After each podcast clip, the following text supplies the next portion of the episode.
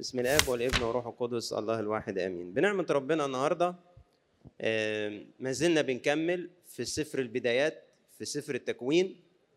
والنهاردة بنوصل لمحطة مهمة جدا جدا وتختص بينا جدا وهي خلقة الإنسان وهي خلقة الإنسان. مرة واحد من الرهبان المبتدئين راح للقديس الأنبا بخوميوس. وكان الأنبا بخوميوس معروف عنه إن هو بيشوف رؤى. فراح قال له إيه؟ قال له يا أبانا حدثنا عن الرؤى التي تراها. قال له ما ما تحكي لنا كده عن الرؤى اللي أنت بتشوفها. فجاوبه قال له الخاطئ مثلي لا يطلب أن تكون له أي رؤى. ده أول درس لينا. ما نسعاش ورا الرؤى. قال له يعني بيدينا بيدينا اكزامبل الانبا بخوميس بيقول له أنا خاطي ما ما اسعاش إن يكون في رؤية أشوفها. ومع ذلك إن أردت أن أحدثك عن رؤيا عظيمة أن ترى انسانا طاهرا متواضعا. قال له أنا هقول لك مش أنت عايز تشوف رؤية؟ قال له آه. قال له لو شفت إنسان طاهر ومتواضع دي رؤية عظيمة. وأريك أعظم منها. إيه تاني أعظم منها قال لك أن ترى الله غير المنظور في الإنسان المنظور الذي هو هيكل الله؟ قال له أن ترى الله غير المنظور في الإنسان المنظور الذي هو هيكل الله. ففعلا اللي إحنا هنتكلم عنه النهارده سر عظيم جدا لدرجة إنه بقينا إحنا ممكن نكون الأيقونة اللي يتشاف فيها ربنا.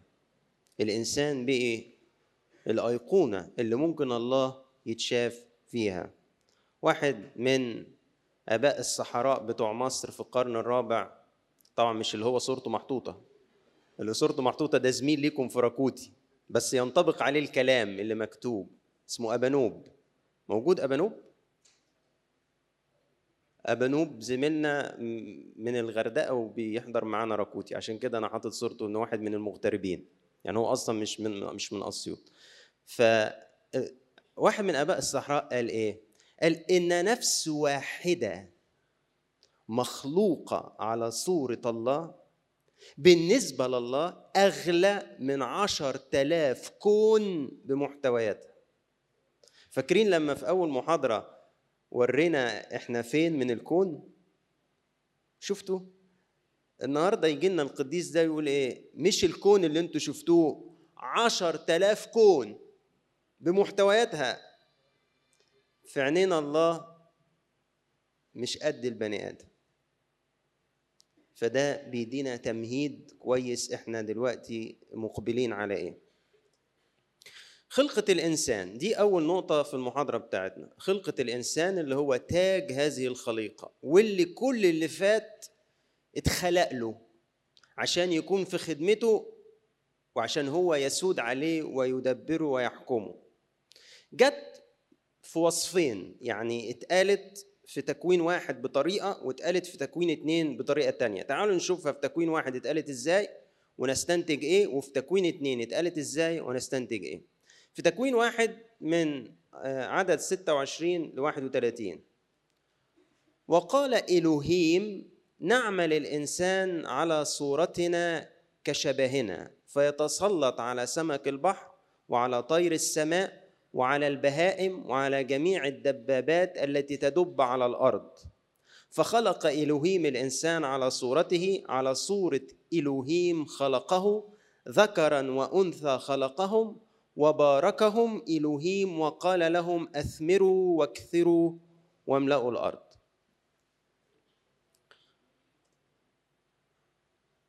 نكمل. وقال إلهيم إني قد أعطيتكم كل بقل يبذر بذرا على وجه الأرض وكل شجر فيه ثمر شجر يبذر بذرا ليكون طعاما.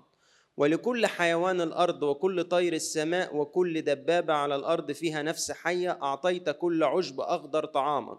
وكان كذلك ورأى إلهيم كل ما عمله فإذ هو حسن جدا وكان مساء وكان صباح يوما سادسا. خمس حاجات نطلع بيها من هذا النص اللي هو الرواية الأولى أو القصة الأولى لخلقة الإنسان. نطلع منها بخمس حاجات. أول حاجة طب ما تقولوا أنتوا. أرجع لكم وقولوا أنتوا. ممكن على فكرة نطلع بأكتر من خمسة بس يعني أنا في ذهني خمسة بس نطلع بإيه؟ الإنسان خلق على صورة الله. ماشي. ليه سلطان على كل حاجة. عقيدة الثالوث اللي موجودة إنه إلهيم قلنا الهيم دي الجمع في العبري والكلام مفرد وجمع. نعمل وبعدين يقول لك إيه؟ على صورة إلهيم. ففي هنا بذار وإشارة لعقيدة الثالوث. إيه تاني؟ كلام صح كله لحد دلوقتي. على شبهنا على صورتنا كشبهنا.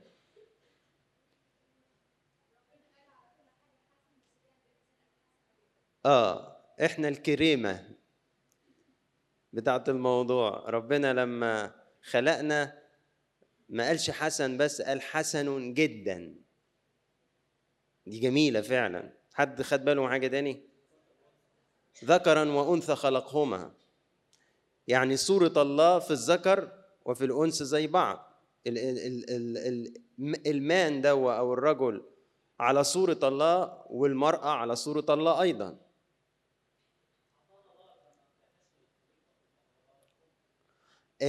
بنشوف هنا إن إحنا اتباركنا بالإثمار وأعطينا بركة الإثمار. ها؟ كويس جدا. طب تحبوا تشوفوا السلايد اللي بعدها زي ما أنتوا قلتوا بس هقول بالترتيب بقى إنه في النص ده خلافا للجزء اللي فات بيبان عنصر المشورة الثالوثية في خلق الإنسان. يعني اللي فاتوا ما بانش النقطة دي. لكن هنا زي ما يكون فعلا في مشاورة بين أقانيم الثالوث. نعمل الإنسان على صورتنا كشبان. فعلا. هنا حاضرة في خلقة الإنسان المشورة الثالوثية ودي مش باينة في باقي الخليقة.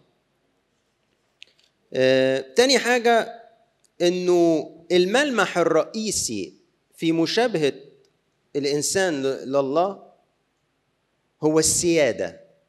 يعني هنا ما بانش غير النقطة دي.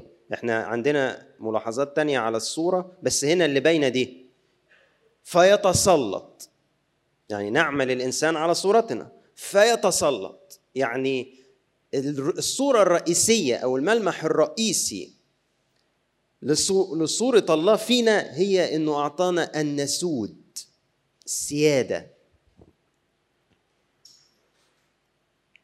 بصوا كده القديس يوحنا الذهبي الفم يقول إيه؟ لقد خلق الإنسان لكي يسود أي يتسلط على المخلوقات المنظورة وكذلك على الشهوات التي في داخله. لقد خلق لكي يتسلط ولا يتسلط عليه أحد. ده دي دعوتنا المفروض نعيشها كشباب. ما نسيبش حاجة تتسلط علينا لا موبايل ولا سيجارة ولا علاقة مش مظبوطة ولا ولا أي حاجة. ما نسيبش حاجة تتسلط علينا. إحنا مخلوقين لكي نسود لكي نتسلط. مش بس عن مخلوقات وعلى الشهوات التي ما سيبش الغضب يتسلط علي ما سيبش الأنانية تتسلط علي ما سيبش الطمع يتسلط علي ما سيبش البخل يتسلط علي. ما سيبش احتياج عندي يحكم تصرفاتي ويقودني في أي حتة. غلط. لا أنا كمان أتسلط على الشهوات. ده القديس مار إسحاق يقولها بأكثر وضوحا بطريقة لذيذة. يقول إيه؟ المسيح الحقيقي صاحب سلطان. يقول لهذا الفكر اذهب. فيذهب. ولهذا الفكر تعالى فيأتي. أنتوا عارفين دي هو كان قايلها في تعليقه على قائد المئة. قال له أنا ما استاهلش إن أنت تيجي عندي في البيت. أنت بس قول كلمة فيبرأ غلام أنا إنسان مرتب تحت سلطان. أقول لهذا اذهب فيذهب ولهذا ائت فيأتي. فالقديس مارس قال إيه؟ المسيحي الحقيقي كده صاحب سلطان. يقول الفكر ده اذهب فيذهب. مش الفكرة تسيطر عليا الفكرة الشريرة. لا أنا اللي اذهب فتذهب. وفكرة تانية مقدسة أقول لها تعالي فتأتي. ثالث ملحوظة في النص ده أنتوا قلتوها إنه الصورة الإلهية بالتساوي بين الرجل والمرأة. زي ما الراجل صورة الله أو على صورة الله المرأة على صورة الله.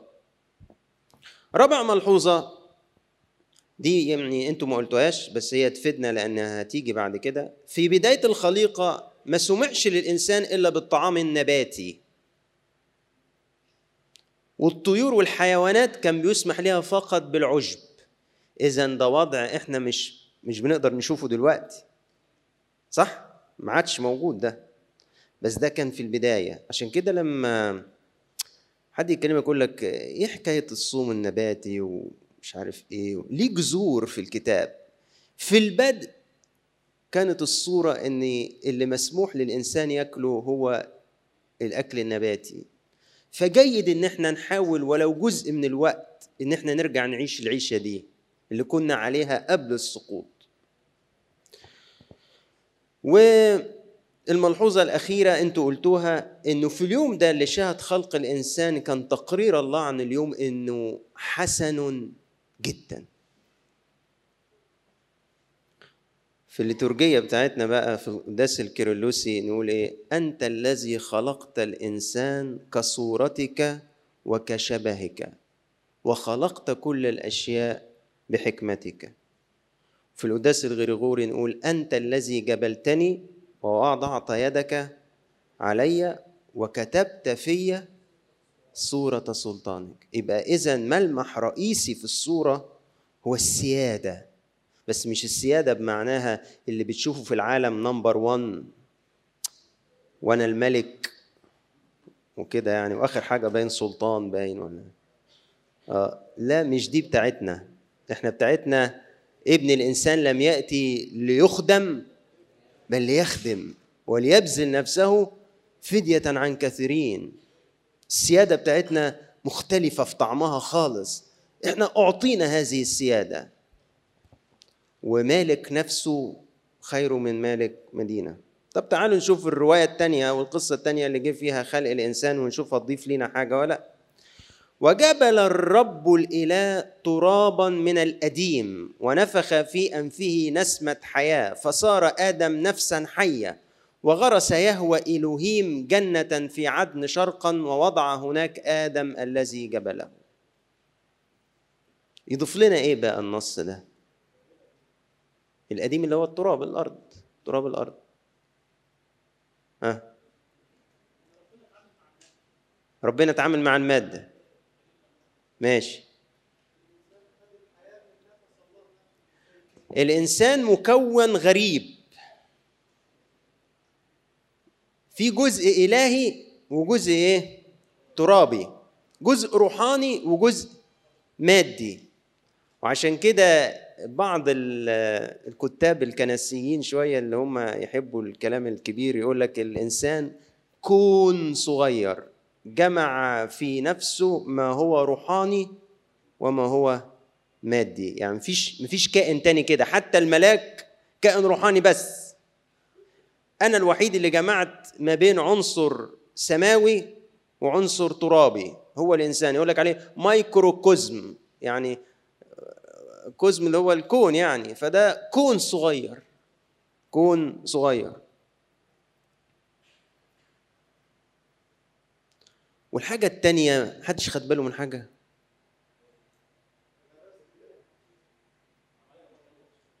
آه ماشي. بس في حاجة. يهوى إلهيم. هنا ال الاسم بتاع ربنا اختلف. مش إحنا ماشيين قاعدين نقول إلهيم إلهيم إلهيم. في الجزء الثاني ده من القصة يقول لك يهوى إلهيم. يهوى اللي هو الكائن.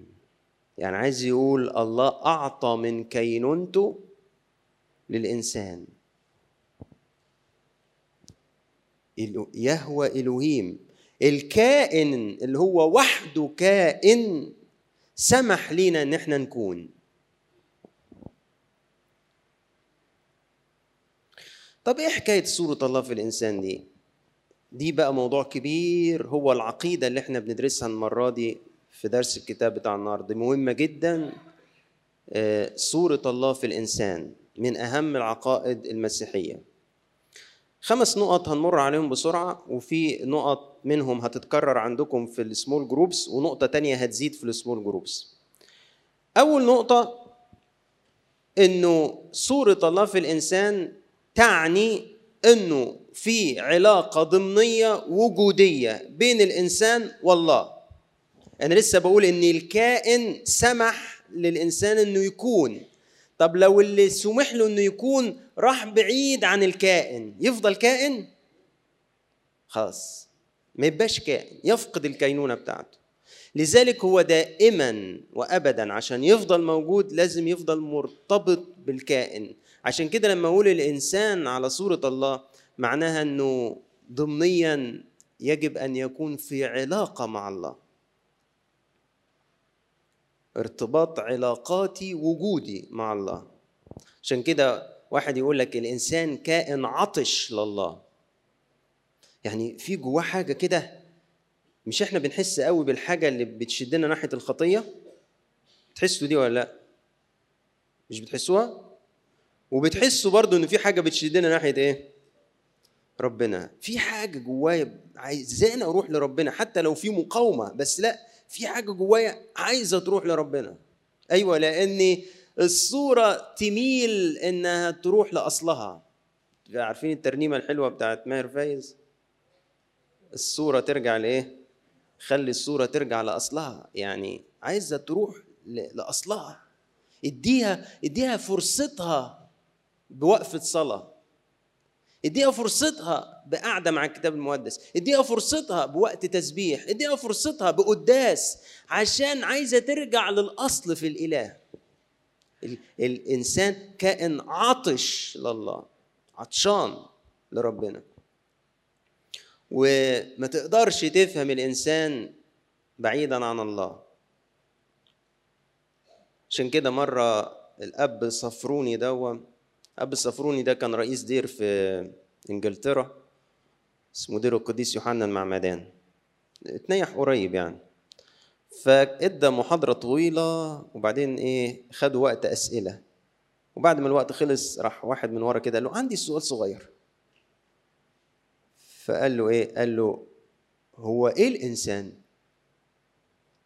فده السؤال اللي هو يعيد المحاضرة من الأول. ده السؤال الأسئلة الصغيرة اللي هي تجيب من الأول.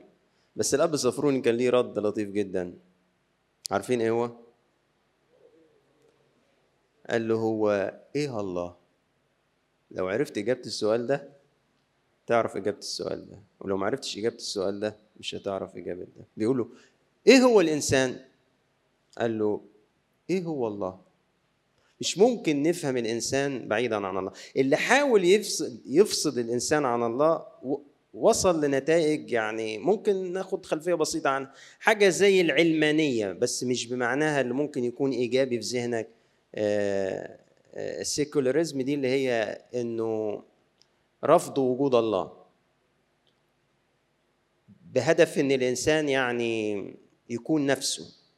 الحقيقة إن العلمانية دي اللي جردت الإنسان عن الله ما ما وصلش منه حاجة من الإنسان ما بقيش منه غير إنه مستعبد لتيارات مختلفة. يعني تلاقيه مستعبد للمادة. ما هي الوجودية المادية دي إيه؟ إن أنا ما افهمش حاجة غير المادة اللي بتشوفها عينيا. فالإنسان اختصر مرة واحد فيلسوف وجودي كده اسمه بخ ألماني قال إيه؟ قال إنه الإنسان هو ما يأكله. يعني الإنسان ما يزيدش عن الحاجة اللي كلها. لما تفصل الإنسان عن الله هيوصل لكده. والإلحاد الشيوعي لما أنكر وجود الله كانت ثماره إنه اتعامل مع البشر بكمية من القمع رهيبة جدا. فانحدر بالإنسانية لمستوى حتى ما يليقش بالحيوانات. فمن طول ما أنا هبعد الإنسان عن الله مش هعرف أفهم الإنسان. تاني حاجة من ملامح الصورة دي الوعي بالذات. الإنسان كائن عاقل لأن الله الله الإبن اللوغوس العقل. فالإنسان مخلوق على هذه الصورة وبحسب هذه الصورة فهو عاقل عنده آه، صوفية عنده حكمة. عشان كده بيعرف يشتغل بأدواته ويطور الخليقة ويمضي بيها. فهو واخد الملمح ده من صورة ربنا. ثالث ملمح مهم جدا الحرية. آه إحنا حريتنا محدودة بس إحنا عندنا حرية مش قليلة جدا. عندنا مساحة حرية كبيرة جدا. والمساحة دي أعطيت لينا إحنا فقط دون سائر المخلوقات المنظورة لأن إحنا على صورة الله. قديس كيرلس الكبير يقول كده الله حر وعلى مثاله تشكل الإنسان. مقولة تانية تخوف شوية للقديس أنبا مقار في العظة الخمستاشر يقول السماء الشمس القمر الأرض ليس لها إرادة حرة. أما أنت على صورة الله ومثاله لأنه كما أن الله له السيادة في نفسه ويفعل ما يشاء هكذا أنت أيضا فإنك سيد نفسك. فإذا أردت أن تهلك يمكنك أن تفعل ذلك. بيحذرنا. أنت معاك حرية وحرية حقيقية مش تمثيل و... وليها نتائج. ولدرجة إنك لو حبيت تهلك نفسك هتهلكها. تقول معقولة ربنا هيسيبني أهلك نفسي؟ يا حبيبي فوق. مش في مقابل النظر لمن هو الله أنسى من هو الإنسان. مش عشان أنا هيمان بربنا إنه محب البشر الصالح وهو أنسى إن هو في الآخر منحني حرية وإن هذه المحبة أعطتني حرية. وإن أنا لو أصريت إن أنا أرفض الله هرفضه. ولو أصريت ان أهلك نفسي دي اللي ربنا خلقها ههلكها وهنجح في كده.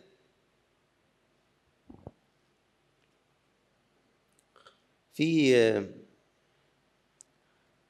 قولين كده لطاف الاثنين يعني يعني بعيد شوية عن المجال اللاهوتي يعني بس نظرتين متضادين.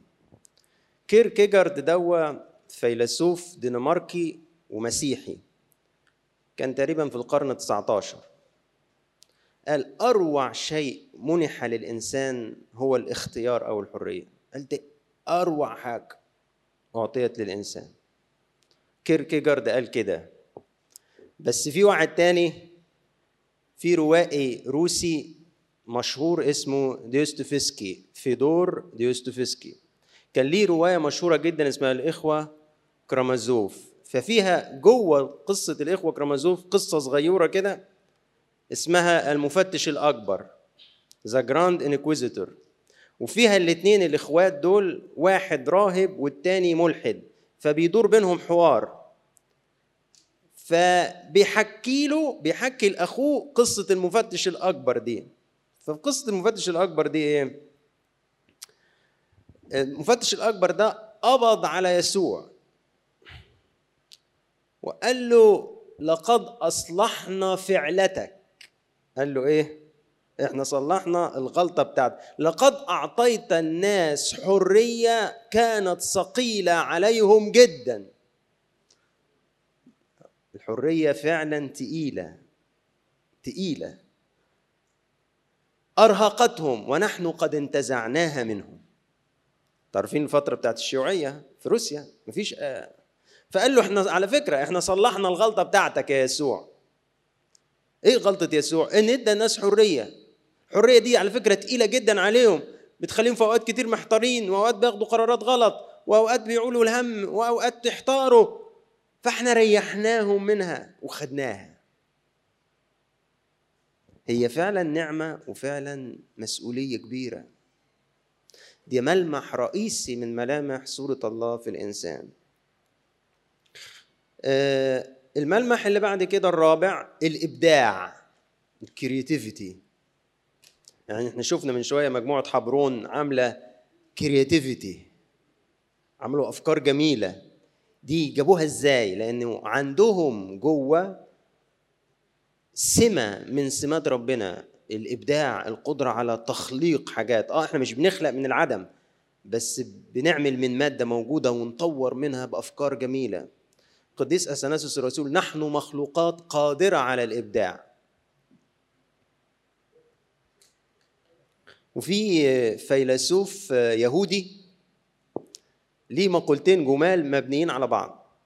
الأولانية قال الله لا يفعل نفس الشيء مرتين أبدا. وتاني حاجة قال لك العالم في حاجة لكل واحد من الكائنات البشرية. ليه؟ لأن الله ما كررش اتنين. وبناء على إنه ما بيكررش أفعاله مرتين ورا بعض ابدا فالعالم محتاج لكل واحد مننا. يعني انت من حقك تطلع كده النهارده بعد ما نخلص تمشي في الشارع وتقول على فكرة العالم ده كله محتاجني عشان تبقوا فاهمين. أنا مفيش مني عشان تبقوا فاهمين. القصة دي قصة لطيفة حصلت فعلا. أم سايبة ابنها يتفرج على التلفزيون على البرامج بتاعة البيئة والناشونال جيوغرافيك والحاجات دي فكان بيتفرج على تقرير عن كائنات معرضة للانقراض. وكانت أمه دايما تقول له النقطة اللي إحنا لسه قايلينها دي إن ربنا ما خلقش اتنين زي بعض أنت ما فيش منك تاني. فلقيته مسهم بعد البرنامج. فتقول له مالك يا حبيبي أنت شفت حاجة خضتك؟ فقال لها مامي العالم في خطر أنا مهدد بالانقراض ما فيش مني غير واحد.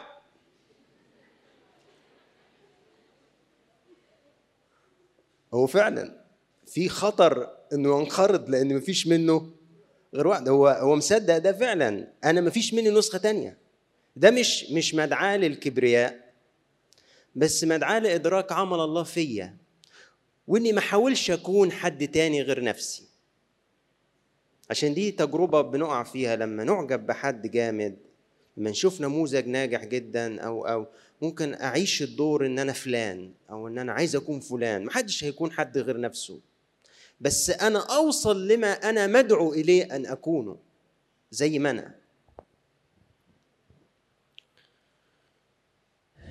خامس نقطة وآخر نقطة هتكلم فيها عن صورة الله في الإنسان إنه كائن في جماعة. دي صورة الله في الإنسان. لأنه الله آب وابن وروح قدس فما فيهوش الفردية المصمتة.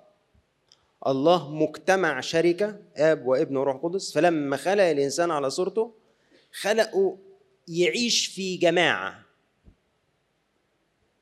كينونية. يعيش في جماعة يعيش في أسرة يعيش في كنيسة. عشان كده الكنيسة مشروع الكنيسة ده إيه؟ لأنه الله ده ده ال design بتاع البني آدم إنه يكون في مجتمع. فيبقى في كنيسة يبقى في أسرة. يبقى في تجمع دير آه، رهباني وألالي للراهبات وللرهبان. كائن يحيا في شركة. يقول لك إنه الواحد المفرد مش صورة لله. الشخص صورة لله. يقول لك هو في فرق بين الفرد وبين الشخص؟ أقول لك آه في فرق بين الفرد وبين الشخص. الشخص البروسوبون دوت في في اللغة اليوناني πρός يعني تجاه. و ὤψ يعني آخر يعني من هو يتجه لآخر؟ هو ده اللي ينفع يكون صورة الله. من هو يتجه لآخر إنما الفرد اللي عايش منه لنفسه لا يمثل صورة لله. تاني نقطة في الدرس بتاعنا النهاردة بعد ما ربنا خلق الإنسان أنتوا شفتوا إن هو وداه حطه فين؟ في جنة عدن. ففي شاهدين هنا تكوين اثنين آية خمسة وتكوين اثنين آية خمستاشر هم محطوطين ورا بعض. قال لك ولا كان إنسان ليعمل الأرض. قال لك ما كانش آه، في آه، زراعات ضخمة لأنه ما كانش فيه إنسان ليعمل الأرض. وبعدين في آية 15 يقول لك وأخذ يهوى إلهيم آدم ووضعه في جنة عدن لخدمتها وحراستها. يهوى إلهيم الرب الإله راح واخد آدم وحطه في جنة عدن لخدمتها وإيه؟ وحراسة. نطلع بإيه من النص ده؟ إيه رأيكم؟ نطلع بإيه؟ الله أمن الإنسان على الخليقة اللي هو خلقها آه. نطلع بإيه؟ قصد الله من خلقتنا إن إحنا ما نتسكعش في الشوارع. بأمانة بالبلد يعني. يعني هو ما خدش آدم حطه على النص يعني. هو يعني خلق آدم وقال له روح اعمل حاجة. مش ينام 12 ساعة في اليوم. مش يتسكع في الشوارع. جنة بقى. هيص يا آدم ما دي مهمة جدا النقطة دي. إنه ربنا خالق إنسان قال له روح اشتغل. وعلى فكرة في نقطة مهمة جدا. إحنا عندنا انطباع غريب إن الشغل جه بعد الخطية. ده بتعب جبينك تاكل خبزا أيوه ده بقى الشغل متعب. إنما الشغل موجود من قبل ما الإنسان يخطئ. هو بسبب السقوط أصبح الشغل متعب. لكن هو أصلا موجود من قبل السقوط. دي مهمة جدا. وصية الله لآدم بالعمل كانت قبل السقوط مش بعده. فالعمل المنتج جزء من خطة الله والغرض من خلقتنا. عشان كده الواحد فينا بياكل في روحه لما يكون بيدور على شغل ولسه مش لاقي شغل. في حاجة جوايا عايز اشتغل مش الطبيعي إنك تلاقي الشاب كده مبطط كده مش عايز يعمل حاجة. مش ده الطبيعي. لأنه الله حط جواه إنه يشتغل. قال له روح اشتغل. من قبل ما يسقط الشغل ملوش دعوة بالسقوط. السقوط أدى إن الشغل بقى متعب ومليان مشاكل ومليان ذنب ومليان حاجات. ملحوظة مهمة بقى.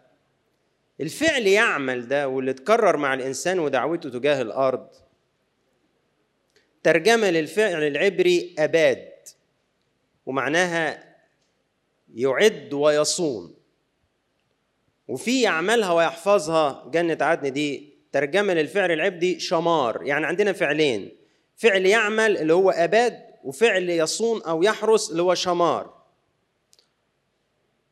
وتفاجأ بقى إن الفعلين دول استخدموا في وصف عمل الكهنة واللويين بعد كده جوه خيمة الاجتماع استخدم نفس الفعلين دول. ودي إشارة إن العمل عبادة. إشارة إن العمل في نوع من التعبد. ودي ليها علاقة بالدرس بتاع المرة اللي فاتت إن الإنسان كاهن الخليقة. لأن استخدم أفعال عن العمل ليها معنى كهنوتي.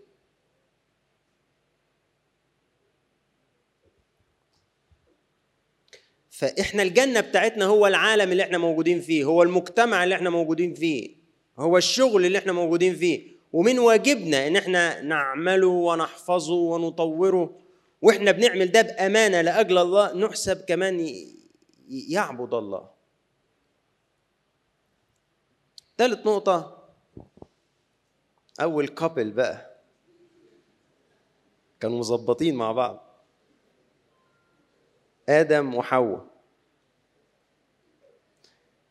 حواء دخلت في المشهد كده بطريقة غريبة. يعني ربنا لما قال في تكوين واحد إنه خلقهما ذكر وأنثى خلقهما لما جه في الرواية الثانية راح ذكر آدم بس. وبعدها بشوية راح جاب موضوع حواء ده. يا ترى ليه؟ وقال يهوى إلهيم ليس جيدا أن يكون آدم وحده فأصنع له معينا نظيره وجبل يهوى إلهيم من الأديم كل حيوانات البرية وكل طير السماوات وأحضرها إلى آدم ليرى ماذا يسميها وكل ما دعاه آدم من نفس حية فهو اسمه. فدعا آدم بأسماء كل البهائم وطير السماوات وكل حيوان الحق. ولآدم لم يجد معينا نظيره.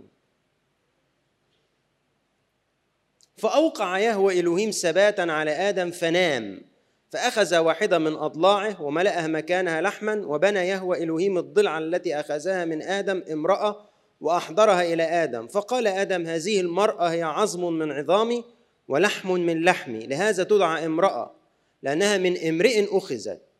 لذلك يترك الرجل أباه وأمه ويلتصق بامرأته فيكونان جسدا واحدا. وكان كلاهما عريانين آدم وامرأته وهما لا يخجلان. إيه ملاحظاتكم على النص ده؟ آه. آه. قال إيه ده؟ الناس كلها مبسوطة وأنا قاعد كده. زي منظرك بالظبط كده وأنت في الجامعة وتلاقيهم في الكافيتيريا كلهم ولاد وبنات مع بعض. وبعدين استنظر لنفسك كده بتعجب. تقول خير اللهم اجعله خير. هم ما جوش ليه النهارده؟ كده يعني. فكان آدم عنده ما يشبه هذا يعني. شايف كل عصفور وعصفورة بيتنططوا مع بعض. شايف إيه؟ كل بوبي وبوبهايه بيتمشوا مع بعض. بعدين يبص على روحه كده. تعال اما اسميكم. كده يعني بغل. طيب إيه تاني؟ ها؟ آه. اتفضل يا جورج. ما جابهاش من التراب. خدها ضلع من آدم وبناه. عشان يكون علاقة بينها ما بينه. وعشان تبقى من نفس الجوهر من نفس الطبيعة لا هي أقل منه ولا هي أزود منه. من نفس النوع أهو. أنا ما جبتش حاجة من بره. أهو. هبنيها من حتة منه. فمنه يرتبطوا ببعض ومنه يبقوا من جوهر واحد. لا هي أقل منه ولا هو أقل منها.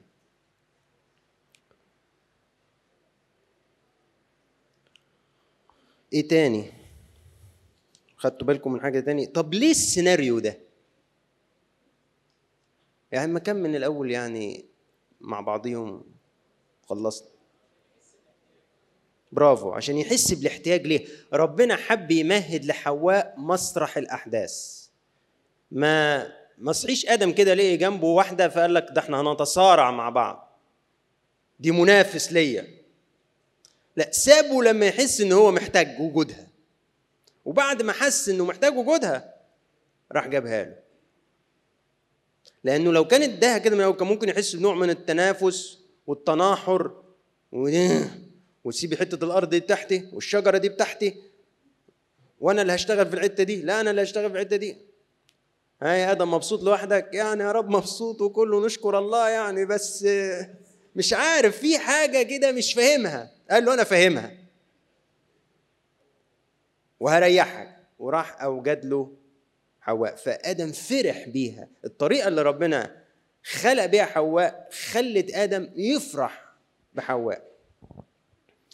الحاجات الجميلة في طقس سر الزيجة يجي أبونا يسلم العروس للعريس يقول والآن قد حضرتما أمام مذبح أمام هيكل رب الصباؤوت وأمام مذبحه المقدس ويبقى أبونا باصص على الهيكل والعرسان باصين على الهيكل. وجمعكما هذا الإكليل المبارك أمام هيكل رب الصباؤوت وأمام مذبحه المقدس. وعلى هذا الرسم اتخذ سائر الآباء المؤمنين امرأة واحدة بطهر ونقاء لطلب الذرية وإيجاب الأبناء فيجب عليكما أن يعرف بعضكما حق بعض وأن يخضع كل منكما لصاحبه. ويروح أبونا يعمل إيه؟ يروح واخد إيد العروسة وماسك إيد العريس ويروح إيه؟ حاططهم في بعض. ليه هو يمسك إيد العروسة يحطها في إيد العريس؟ لأنه في اللحظة دي بيمثل مين؟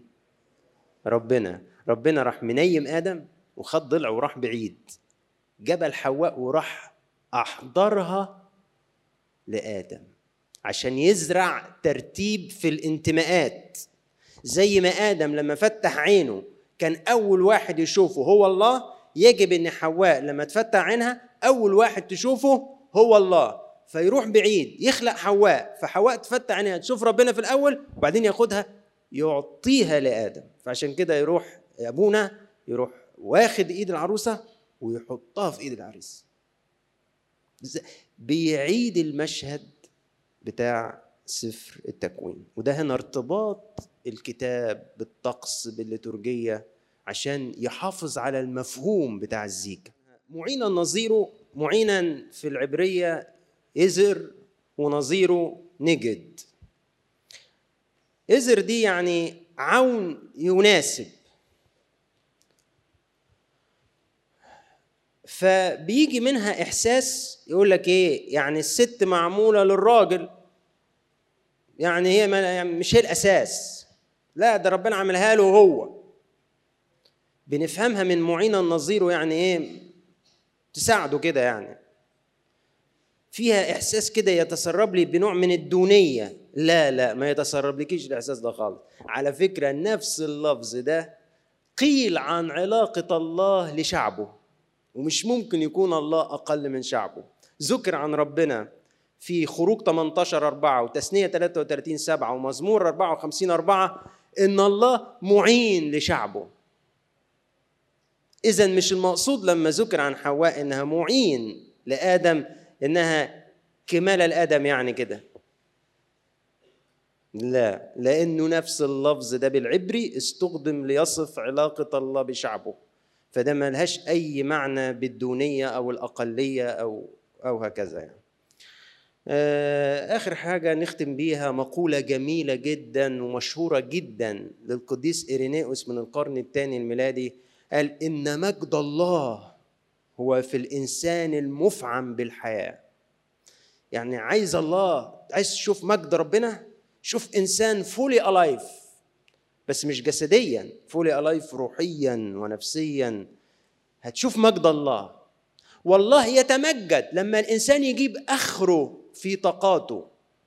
ساعات يتهيأ لنا إن ربنا عايز إيه؟ عشان يسيطر على الناس يخفس بيهم الأرض.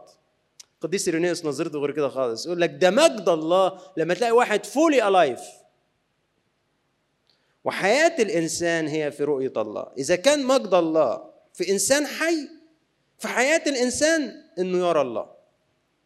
The glory of God is the human person fully alive. مليء مفعم بالحياة. ولإلهنا كل مجد وكرامة إلى الأبد. آمين أخد سؤالين زي المرة اللي فاتت قبل ما ننطلق للمجموعات بتاعتنا. حد عنده أسئلة؟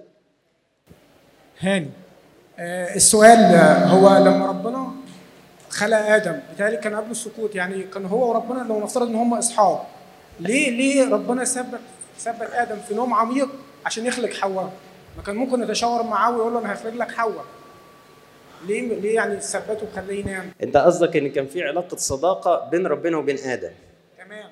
ليه ما دارش حوار بينهم آه إن هو يخلق له قبل حواء. ما يدبسوا في حواء؟ بالظبط كده. مش تعالى معلش أنا بحاول أقرأ اللي بين السطور يعني ما أنا برضو يعني بميز.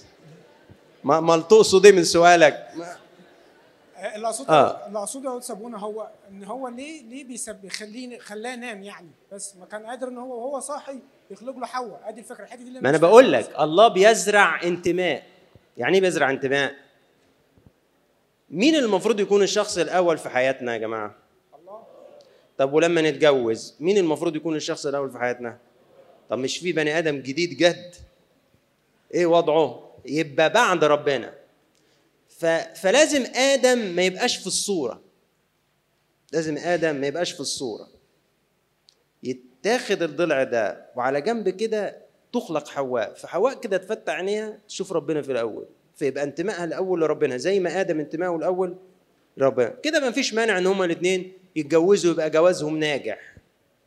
لأن الانتماء الأول في حياة كل واحد فيهم لربنا. أما ليه ربنا ما ما حكاش معاه وقال له طب إيه رأيك؟ في هنا رأي يقول لك عملها له سربرايز الحقيقة ما أقدرش أجاوب إجابات أنا ضامن إنها صح على افتراضات. يعني صعب عليا أفتي في حاجة زي كده. مش ده السيناريو اللي حصل. طب ليه ما حصلش؟ ليه ما مشيش في الوي دي؟ أنا للأمانة ما أعرفش. طيب السؤال الأخير. مش أنت دميانه طيب نسمع دميانه ليه خلق آدم الأول؟ ليه خلق آدم الأول؟ عاجبك كده يا عم هاني جبت لنا الكلام. طبعا برضو السؤال ده صعب عليا إن أنا أعرف إجابته. يعني ال ال في نوع من الأسئلة مش ده السيناريو اللي حصل. طب ليه ربنا ما عملش السيناريو ده؟ أنا ما أعرفش. لو حد فيكم عنده إجابة ممكن يشاركنا بيها. اتفضل يا دكتور رفيق. لا أنا أقصد إنه أتخيل بحسب مبدأ المساواة اللي قدسك آه، قصدت آه، إنك تشاور عليه في مبدأ الرجل والمرأة آه، كان من حق حواء إنها تكون بمشورة الله كاملة عشان تبقى طالعة مش بمشورة الله وآدم بما إن هما الاثنين زي بعض وعلى صورة الله فمن حق الله كاملا إن حواء تكون على صورته الإجابة دي حلوة خلاص ارتاحي يا دميانه واسحبي سؤالك بقى. طيب يا جماعة نشكركم جدا.